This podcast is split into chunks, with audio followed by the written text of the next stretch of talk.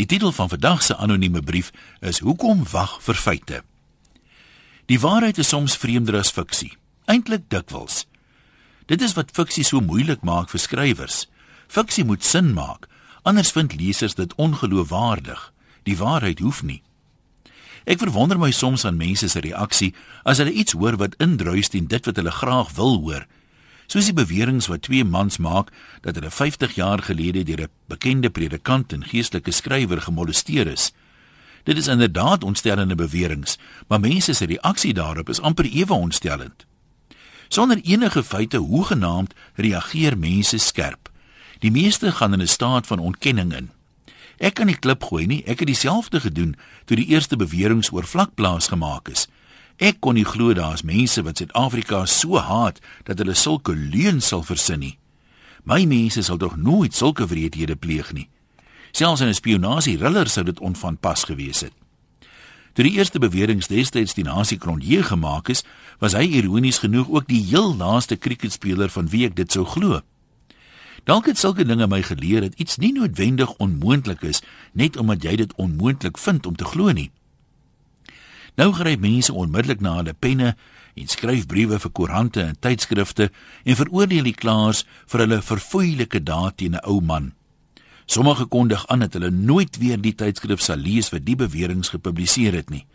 Volgens hulle publiseer tydskrifte mos sommer enige wilde bewering net vir sensasie en om 'n paar ekstra tydskrifte te verkoop. Dieselfde mense glo terloops ook dat niemand die sensasie wil lees nie maar hulle kan nie verduidelik hoekom dit nou meer tydskrifte sou verkoop nie. Vra maal natuurlik deur die mense kop.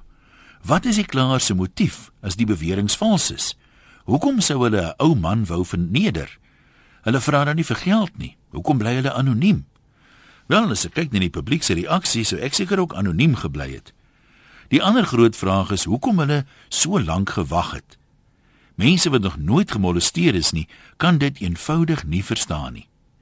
Verkrachtingsslagoffers verstaan dit waarskynlik beter. Baie van hulle gaan nooit polisie toe nie.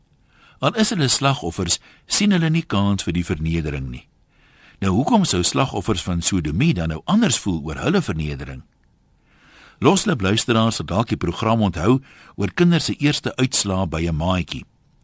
In daai program, so 'n jaar of wat terug, het 'n vrou vertel hoe die maatjie se pa hom aan haar ontbloot het. Dit het 43 jaar gelede gebeur, maar sy het dit nooit vir iemand vertel nie, nie eers vir haar ouers nie. Sy vertel dit nou op loslip omdat sy na al die jare hoop die waarheid sal haar van haar skuldgevoelens bevry wat haar so folter. Ek kon glad nie verstaan hoekom sy skuldig voel oor iets wat sy nie eers gedoen het nie, maar wat aan haar gedoen is deur die maatjie se pa. Dalk is dit iets wat 'n mens net kan verstaan as jy eers self aan die ontvangkant was. Ek weet nie wat die waarheid is nie. Ek weet wel dat dit nie so eenvoudig is as wat ons dit graag maak nie.